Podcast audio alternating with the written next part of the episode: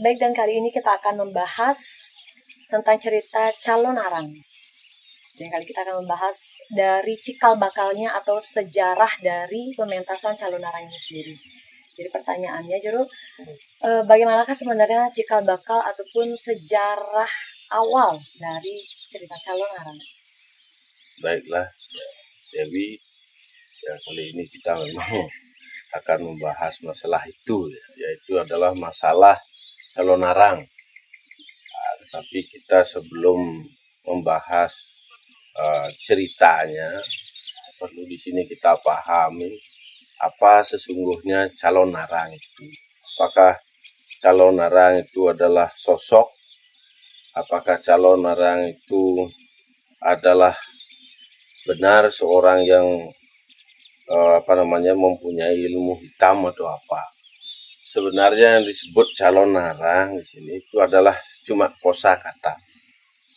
Jadi calon narang itu adalah kosa kata, calon itu adalah bakal, arang itu adalah sesuatu yang jarang atau yang sulit dan yang rumit. Jadi calon narang ini sebenarnya adalah kumpulan sebuah cerita yang menceritakan tentang mistik atau mistis Ya, karena yang saya lihat dalam pementasan itu, misalnya ini cerita Kibalian Batur pun bisa dipentaskan di calon arang itu. Jadi calon arang itu bagi saya adalah kumpulan, ya, kumpulan cerita. Sama dengan e, cerita Nidiah Tantri misalnya. Nidiah Tantri bercerita, di dalam cerita itu ada misalnya Ketimun Mas, men suge, men tiwas dan lain sebagainya. Kalau dikumpulkan itu ya jadilah cerita tantri. Ya calon arang juga begitu. Jadi calon arang bukanlah uh, sosok tetapi adalah kosakata uh, yang kalau kita artikan dari segi sastra bahwa calon arang itu adalah suatu bakal atau calon yang kita calonkan untuk pementasan di dalam tarian itu bisa mengambil cerita apa saja yang penting cerita itu uh, apa namanya dalam bentuk mistik, dalam bentuk mistis. Nah seperti itu dulu. Nah itu definisikan dulu. Nah kalau dari segi sejarah calon marang itu itu dimulai dari tahun 1029 eh, ya pada masa itu uh, di daerah Kediri masih ada kerajaan yang bernama sebenarnya adalah Medang Kamulan. Itu nama kerajaan. Ya. Tetapi dengan raja pada masa itu adalah Teguh Dharma Wangsa atau disebut dengan Dharma Wangsa Teguh. Nah, kerajaan ini diserang sama eh, kerajaan dari Wurawari. Pada waktu itu Sriwijaya masih istilahnya sebuah kerajaan yang paling disegani yaitu adalah kerajaan Sriwijaya. Dari Sriwijaya menyerang dengan bantuan dari e, kerajaan Urawari. Akhirnya runtuhlah Medang Kamulan itu. Nah, Teguh Dharma Wangsa di sana, Dharma Wangsa Teguh, raja di sana itu gugur. Tetapi keponakannya yang bernama Erlangga yang tiada lain adalah uh, anak daripada Udayana dan Mahendra Data di Bali. Akhirnya beliau itu meninggalkan kerajaan. Nah dari sinilah dimulai sejarah adanya calon narang itu. Entah berapa lama, akhirnya Erlangga setelah dewasa, beliau mendirikan kerajaan lagi di daerah sekitaran Gunung Temanggung. Di sana kerajaannya diberi nama adalah Waton. Kerajaan Waton. Akhirnya kerajaan Waton juga diserang. Diserang kerajaan Waton. Habis kerajaan Waton diserang, akhirnya Erlangga di sana beliau pergi meninggalkan kerajaan itu sampai ke daerah Jawa Tengah. Yaitu adalah daerah sekarang e, misalnya daerah Kurjo kemudian daerah eh, seputaran Candi Ceto, Candi Sukuh, semua pernah beliau singgahi. hanya untuk menyelamatkan diri. Nah, kenapa tidak ke Bali? Nah, seperti itu padahal ayahnya adalah Udayana. Kenapa tidak di Bali? Di sini disinyalir bahwa Erlangga bukan anak kandung daripada Udayana. Ya, itu adalah sebelumnya Mahendra Data itu sudah pernah menikah. Nah, itu disinyalir seperti itu dalam sejarah karena di sejarah ini masih ada pertanyaan. Kenapa Erlangga itu kalah lari ke Bali? malah beliau lari ke gunung-gunung. Nah, itu disinyalir itu. Karena apa? Disinyalir bahwa Erlangga ini bukan anak kandung Menata, masih disebut dengan anak diri. Seperti itu. Nah, kalau ini diceritakan lagi dalam sejarah disebutkan bahwa Erlangga lagi-lagi mendirikan kerajaan setelah mendapat dukungan dari orang-orang uh, Medang yang masih setia. Akhirnya mendirikanlah di tepi timur Sungai Berantas. Nah, di sanalah mendiri kerajaan, namanya adalah Watan Mas. Nah, di dalam pengembangan kekuasaan inilah, karena Air Langga sama seorang resi namanya Narutama, itu adalah bagawantenya, taktik perang, dan lain sebagainya. Resi Narutama inilah yang berperan dari Temanggung beliau terus mengembangkan uh, kerajaannya. Pertama yang dikalahkan itu adalah Wengker. Seiring dengan menyusutnya merosotnya kerajaan Sriwijaya. Akhirnya Urawari pun dikalahkan. Kerajaan Hasim atau disebut Masin sekarang yang ada di Batang Jawa Tengah itu juga dikalahkan akhirnya dari sana beliau terus ke timur pada waktu itu beliau mendapatkan nasihat dari Resi Narutama. Wahai Erlangga, ada memang suatu kerajaan yang tidak boleh kamu taklukkan. Yaitu kerajaan apa? Kerajaan Long Doyong. Nah, kerajaan Long Doyong ini tidak boleh ditaklukkan. Karena apa? Karena Resi Narutama tahu siapa ratunya di sana. Tetapi begitu memang tidak diserang. Erlangga tidak mau menyerang. Lodoyong itu kalau sekarang itu di Tulungagung. Nah, itu ada desa namanya Longdoyong. Nah, itu ada di daerah Tulungagung. Tetapi begitu Erlangga tidak menyerang Longdoyong ini. Karena apa? Satu, ratunya yang hebat. Kedua, di sana hidup penduduknya itu yang luar biasa jemah, gemah, ripah, loh jinawi. Orang mengatakan selalu subur dan selalu dihormati. Nah, siapakah Ratu Longdoyong yang bernama dia Tulodong? Siapakah dia? Ternyata dia Tulodong ini adalah masih kerabat daripada Empu Kuturan. Nah, itu jadinya si kerabat Empu Kuturan. Terus uh, pada suatu hari uh, apa namanya Ratu Longdoyong ini dirayu lah istilah dirayu terus sempat diboyong ke istana oleh Erlangga Erlangga tetapi tidak dijadikan istri nah dari sinilah mulai muncul kebencian itu tidak dijadikan istri malah beliau dijadikan selir dijadikan selir akhirnya berontak kembali lagi beliau ke uh, Longdoyong. Nah, akhirnya dari Longdoyong itu beliau melakukan perjalanan sampai di desa Butuh namanya. Sukorejo, ya, desa Girah, Kediri sekarang ini.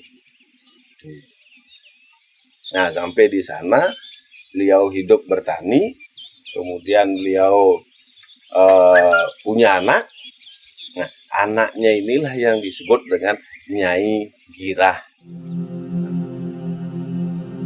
Inilah baru terjadi dan di sana yang namanya perang cerita terhadap arangan kekuasaan mulai konsep pada zaman itu.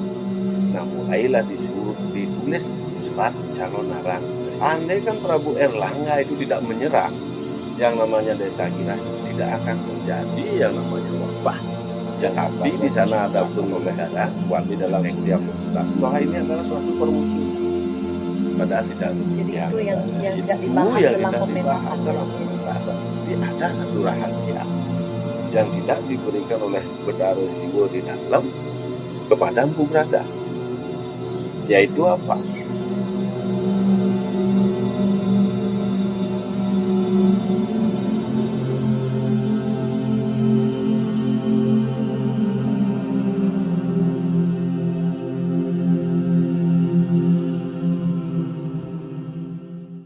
Cerita para rato itu memang harus berpihak pada raja penyalon larangan itu mulai dikonsep. Nah mulailah disuruh ditulis serat calon narang dari sana. Dan di sana menyatakan perang terhadap kekuasaan Prabu Erlangga pada zaman itu. Andai kan Prabu Erlangga itu tidak menyerang yang namanya desa Gira tidak akan terjadi yang namanya wabah yang katanya diciptakan oleh Walu Natenggira. Tetapi di sana ada pengingkaran di dalam setiap pemutasan bahwa ini adalah suatu permusuhan. Padahal tidak Jadi itu yang yang itu tidak dibahas yang dalam pementasan. dalam pementasan. Tapi ada satu rahasia yang tidak diberikan oleh Bedara Siwo di dalam kepada Empu Berada. Yaitu apa? Nah, terus bagaimana Juru ceritanya tadi sudah sampai di Girah dan bagaimana ceritanya akhirnya menjadi calon narang gitu. Nah, itu begini. Eh, Ratu eh, Tulodong akhirnya beliau memang meninggalnya setelah kerajaannya digempur oleh Herlangga. Herlangga akhirnya bisa mengalahkan, bisa mengalahkan Ratu eh, Tulodong ini. Beliau lari, akhirnya sampai di Desa Gira. Nah, setelah itu beliau pada waktu pelariannya itu dalam keadaan hamil sesungguhnya. Dalam keadaan hamil sesungguhnya, terus beliau karena Ratu Tulodong ini adalah Bakta atau Bakta Durga Bairawi atau pada waktu itu disebut dengan Tantra Durga Bairawi alirannya. Maka semua tentara, semua pembantunya itu adalah perempuan. Nah, perempuan yang hebat-hebat. Kelihatannya lemah gemulai tetapi mematikan. Ini yang setia masih sama beliau ikut ke Desa Gira. Nah, sampai di sana entah berapa tahun di sana di sejarah tidak ditulis tahunnya.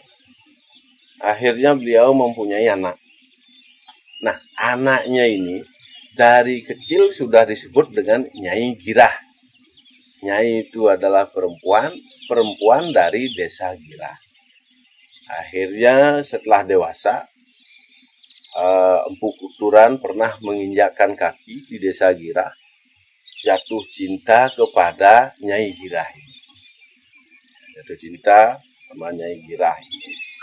Akhirnya setelah eh, beberapa lama Empu Kuturan pergi ke Bali untuk menyebarkan suatu paham yang namanya adalah Trimurti dan beliau tidak pernah kembali lagi. Nah, begitu diceritakan. Akhirnya Nyai Girah ini menjadilah seorang janda sehingga disebut dengan Walu Nate Ing Girah. Artinya ratu janda dari desa Girah. Nah, pada waktu ditinggal sama Empu Kuturan ini, juga Walunate Enggirah ini juga sudah mengandung seorang anak. Lahirlah seorang anak perempuan yang namanya adalah dia Ratna Manggali. Itu jadi. Nah, suatu saat Air Langga datang ke sana, ke desa Gira, beliau iri. Oh, ini anaknya si Diah Tulodong ini ternyata jadi ratu juga di sini. Dan daerah Girah itu sampai sekarang tidak kekurangan yang namanya air. Tidak kekurangan namanya sandang, pangan, dan papan. Berkat kepemimpinan Waliu Nate ing Girah. Itu selalu masyarakatnya itu tersenyum. Gemah ripah loh jidawi hampir tidak ada yang namanya peperang. Tidak ada namanya rasa iri. Tidak ada yang membangun istilahnya membangun apa ibadah itu tidak ada. Tapi mereka percaya pada namanya Durga Bairawi itu sendiri. Sehingga rakyat ini apa namanya hidupnya makmur, mencapai zaman kemasan pada waktu. Akhirnya di sanalah Erlangga ini iri. Kenapa kok bisa? Nah, caranya adalah kalau dengan cara berperang, kalau cara berperang, pasti akan terjadi pertumpahan darah. Akhirnya diborok, diboyonglah Nyai uh, Girah ini atau Walu atau yang Girah ini ke Daha, tempatnya Erlangga ini. Nah, nyampe di sana, ternyata Nyai Girah ini mendapatkan perlakuan yang sama seperti pendahulunya, yaitu apa? Ratu Lodong dia kira menjadi permaisuri. Berarti menjadi selir. Menjadi selir di sana. Dijadikanlah selir. Akhirnya muncullah api kebenciannya. Daha ditinggalkan, Erlangga ditinggalkan, dia kembali ke desa kita. Di sana dia bersumpah di depan Hyang Durga Bairawi bahwa dia akan menjanda seumur hidup. Andai kan suatu saat nanti, itu misalnya, diserang sama Erlangga, maka dia akan menggunakan kekuatan yang diwariskan dari dia Tulodong ibunya sendiri untuk menghadapi pasukannya Erlangga. Nah, itu ceritanya. Cerita sejarahnya seperti itu. Nah, di sinilah baru terjadi yang namanya cerita penyalon arangan itu. Mulai dikonsep.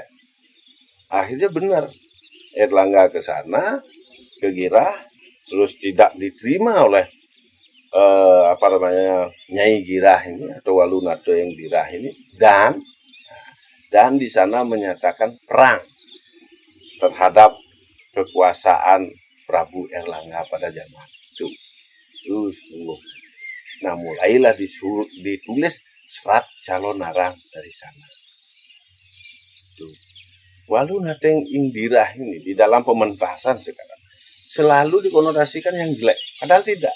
Andai kan Prabu Erlangga itu tidak menyerang yang namanya desa Girah itu tidak akan terjadi yang namanya wabah yang katanya diciptakan oleh Walu Nateng Dirah.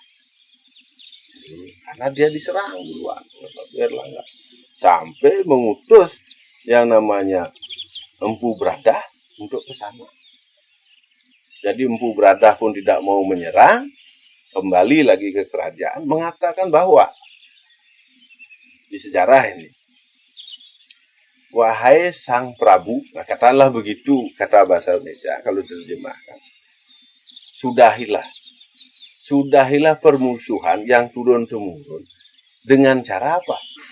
Dengan cara kita pinang apa namanya anaknya di arah nol mengali kita kawinkan dengan murid saya atau anak saya yaitu Empu Bahula.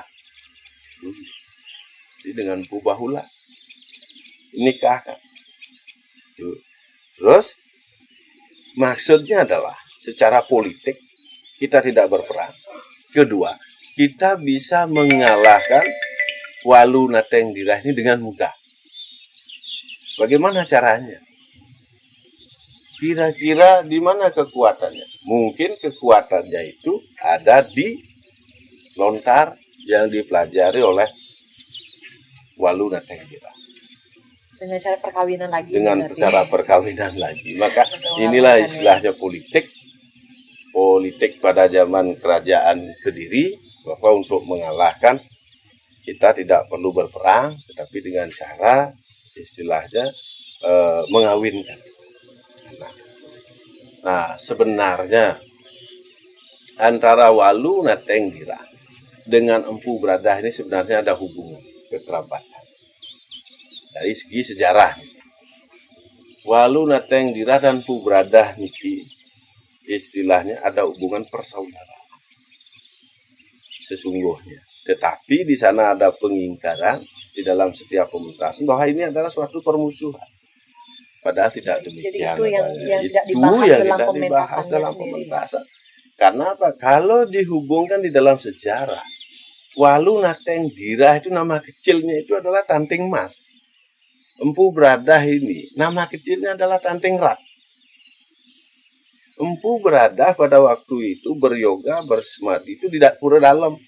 Sedangkan Tanting Emas ini beryoga di pemuhunan. Di pemuhunan di Setre. Sama-sama menguasai ilmu yang sama. Nah, tetapi ada satu rahasia yang tidak diberikan oleh Betara Siwa di dalam kepada Empu Beradah yaitu apa? Islam.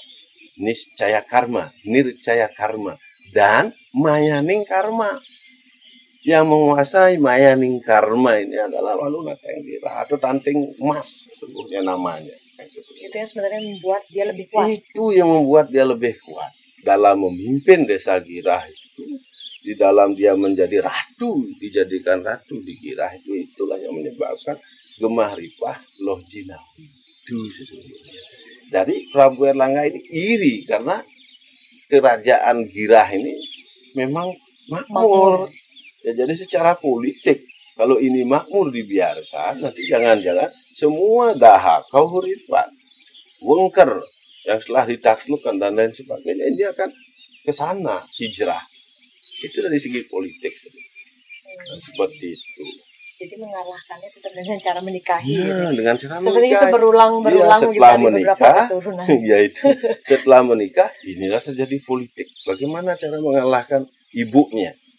Jadi ya. dia Ratna Mengali itu disuruh mencuri lontar yang namanya adalah apa? Yang namanya adalah kala rakta kerta bumi.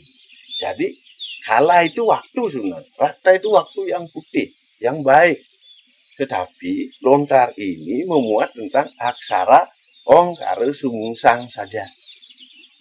Setelah itu dipelajari oleh Empu Berada, setelah dicuri dipelajari, ternyata kekuatan waluna dirah itu ada di sangyang ongkara sungsang.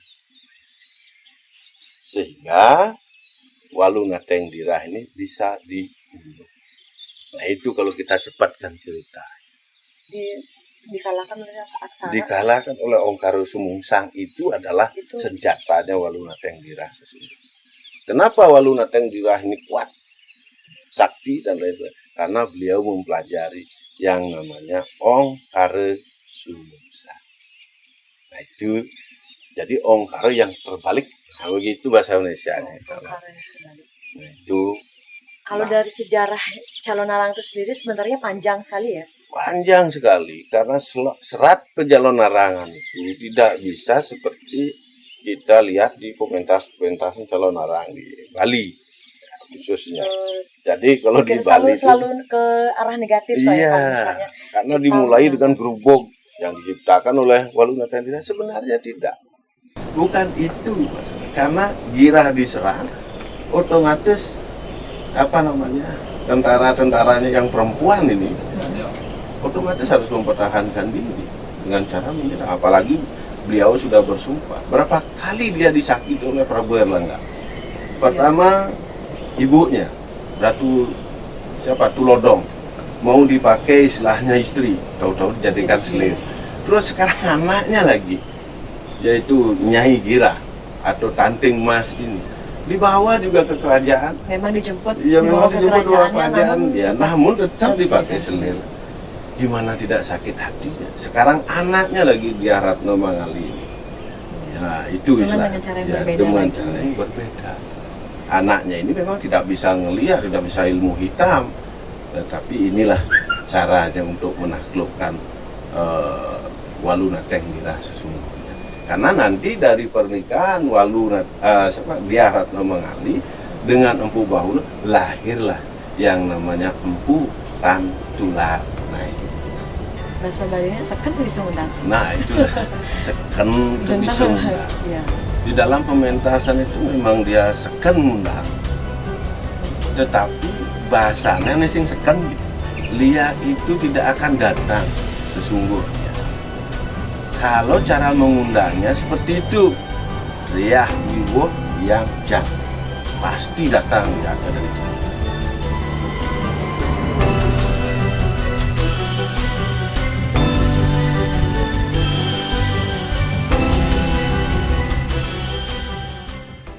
Bahasa Balinya seken bisa undang. Nah itu seken itu bisa undang. ya. Di dalam pementasan itu memang dia seken undang. Tetapi bahasanya sing seken gitu.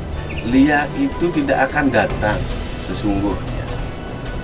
Kalau cara mengundangnya seperti itu, Riah Wiwo yang jam pasti datang ya dari sini. Kalau dari ceritanya sendiri kan tadi sudah panjang nih jerunya. Iya. Namun dalam pementasan calon narang sendiri lebih singkat.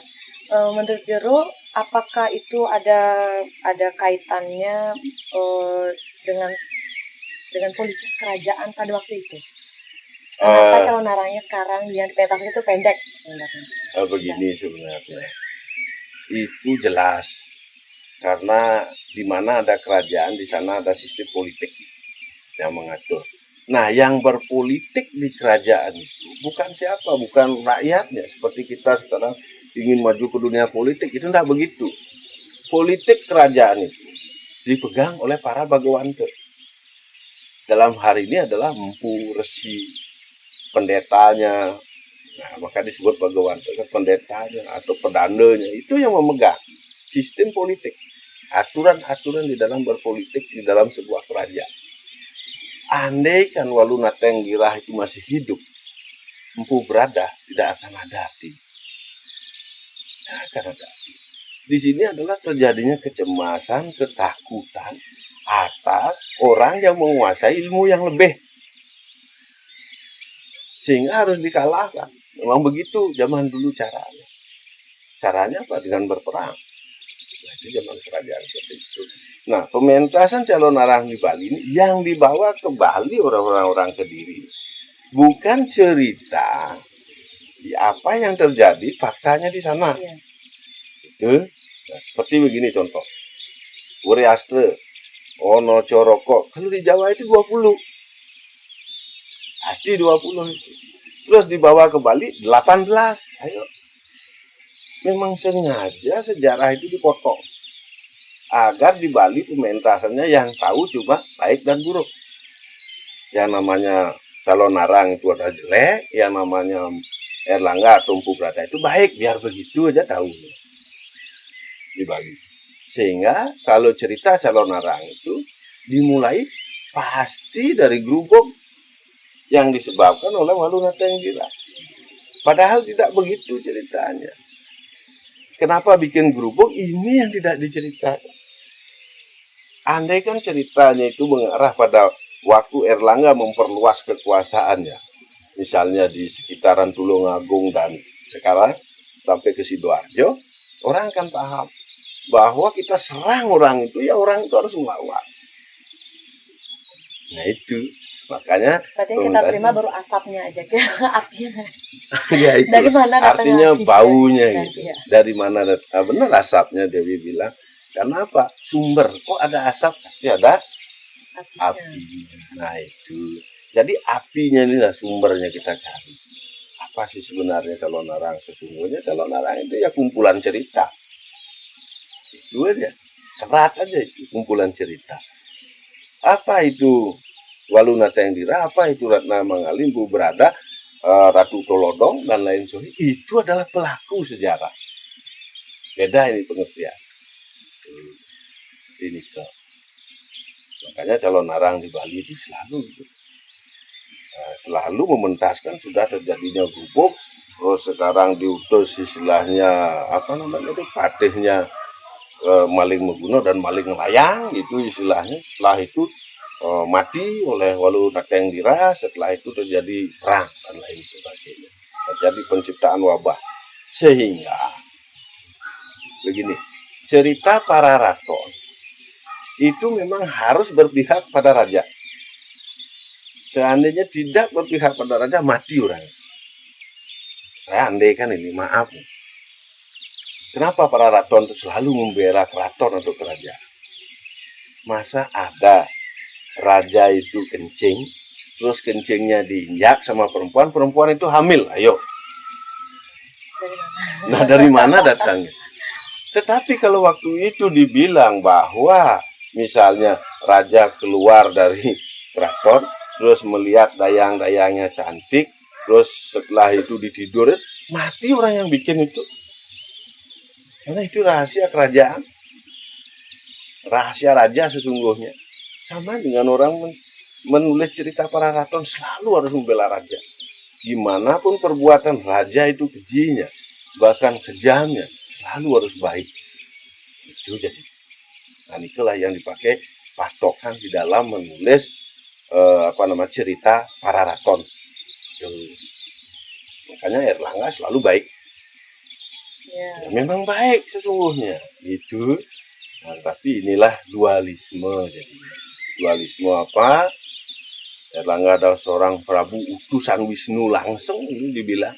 Nah ada di candi itu yang memuat tentang itu ya Nah, bahkan Prabu Erlangga ini istilahnya memang disimbolkan dengan uh, tunggangannya adalah Garuda, persis seperti Dewa Wisnu.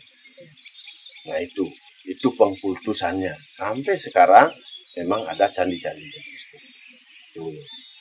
Ya, dan ini sebenarnya pentingnya kita belajar sejarah. Ya, sejarah. Makanya kalau Asal kita mau belajar sejarah, kalau kita mau istilahnya pementasan calon narang, yang benar-benar merujuk tentang sejarah yang memerlukan keseimbangan pemikiran orang yang menonton itu harus apa? Balancing.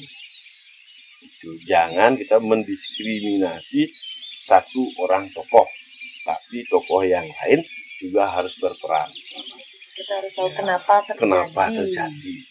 Karena sakit hati begitu api kebencian hatinya kenapa? Ya itu yang kurang dibahas sebenarnya. Nah itu.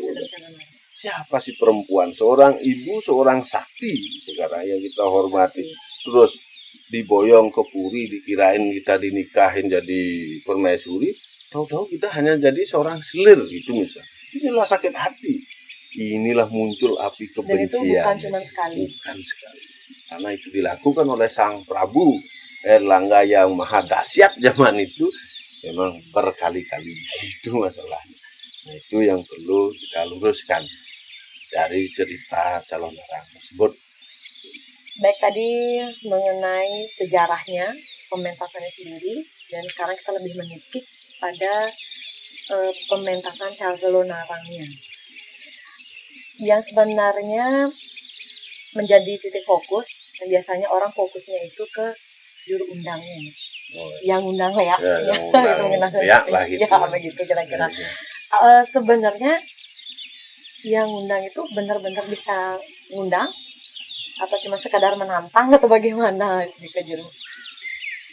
Beneran bisa sebentar bisa ngundang beneran dia atau gimana sebenarnya? Iya. Ya. Uh, begini ya deh. Memang di dalam setiap pementasan calon narang itu ada juru undangnya. Ya. Biasanya dia harus pakai toa. Toa pamit ya. namanya? Itu yang ditunggu-tunggu. Itu yang ditunggu-tunggu ya, penonton penontonnya. Terus di dalam pengundangan itu bahkan terkesan menantang. Ya. menantang. Lu berani ke sini terus dan lain sebagainya. Dan sebagainya seken bisa undang. Nah itu dah. Seken itu bisa undang. Ya.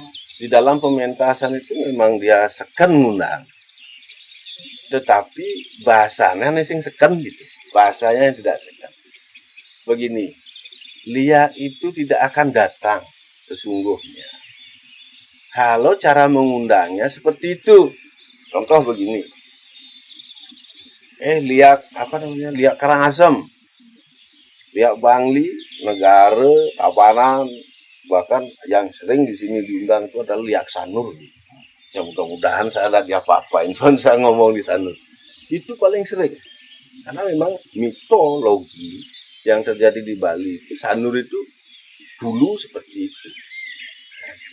Tetapi kalau caranya seperti itu, saya yakin seribu persen lihat itu udah bakalan datang. Bakalan datang. Bagaimana kita mengundang ayam itu datang kalau kita bilang ayam ayam ke sini ayam. Enggak cuek ayam berarti harus tahu bahasa ayam? Berarti harus tahu bahasa ayam benar itu. Ya. nah itu. Jadi kalau kita ngundang kalau memang ini pementasannya adalah sungguh-sungguh beradu ilmu beradu kediatmikan jenana apa namanya jenana takwa dan lain sebagainya itu memang harus tahu bahasa liak itu sendiri baru berani jadi juru undang. Kalau ini benar pementasan.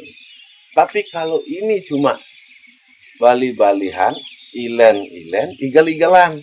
Nah ini ya itu tidak benar. Itu hanya sebuah entertainment untuk membangkitkan adrenalin penonton.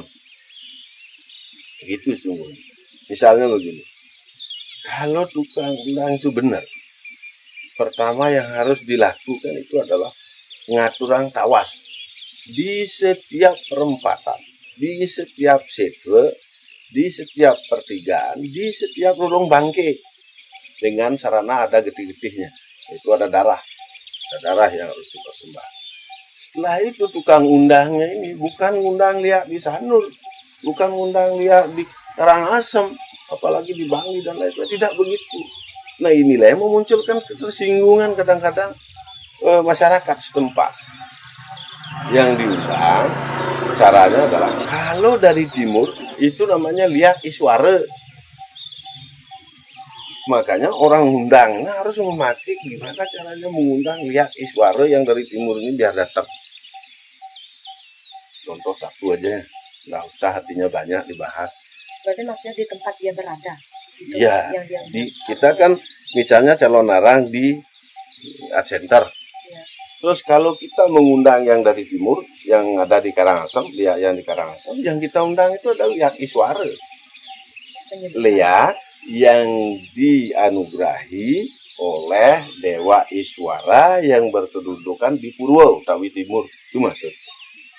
Jadi bahasanya harus begini undang eh lihat asam main ke center sing tadi itu tak boleh dia ndak bakalan denger paling-paling cuma saput tidur tetapi kalau namanya salah salah, salah passwordnya salah. Passwordnya salah. Jadi kalau mengundang dengan cara begini ong eng liah iya.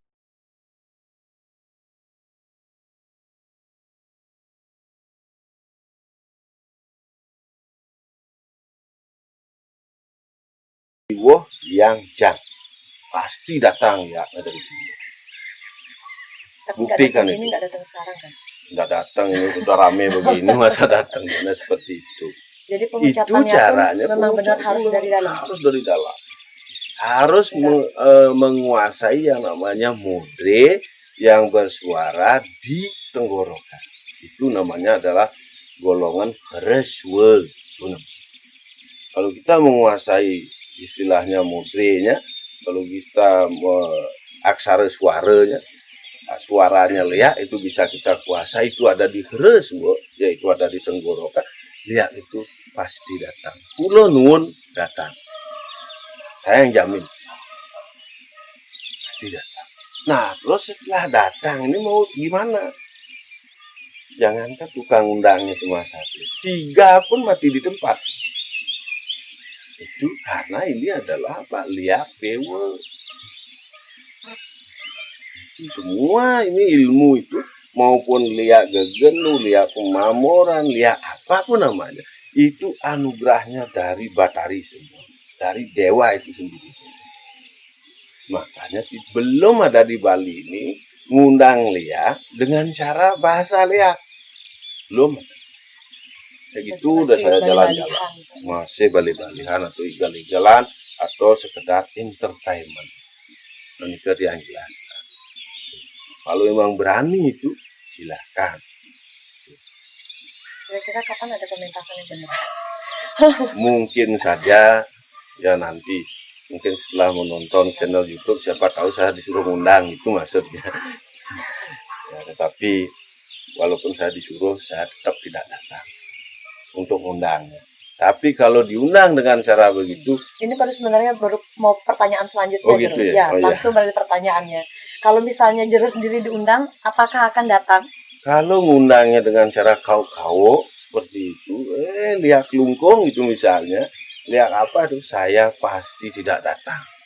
Karena apa? Saya dengar itu bukan itu. Sama dengan orang yang undang itu barat orang gila. Itu yang tidak tahu sebenarnya makna lihat itu sesungguhnya. Tapi kalau ngundangnya dengan cara yang saya bacakan tadi, saya siap datang.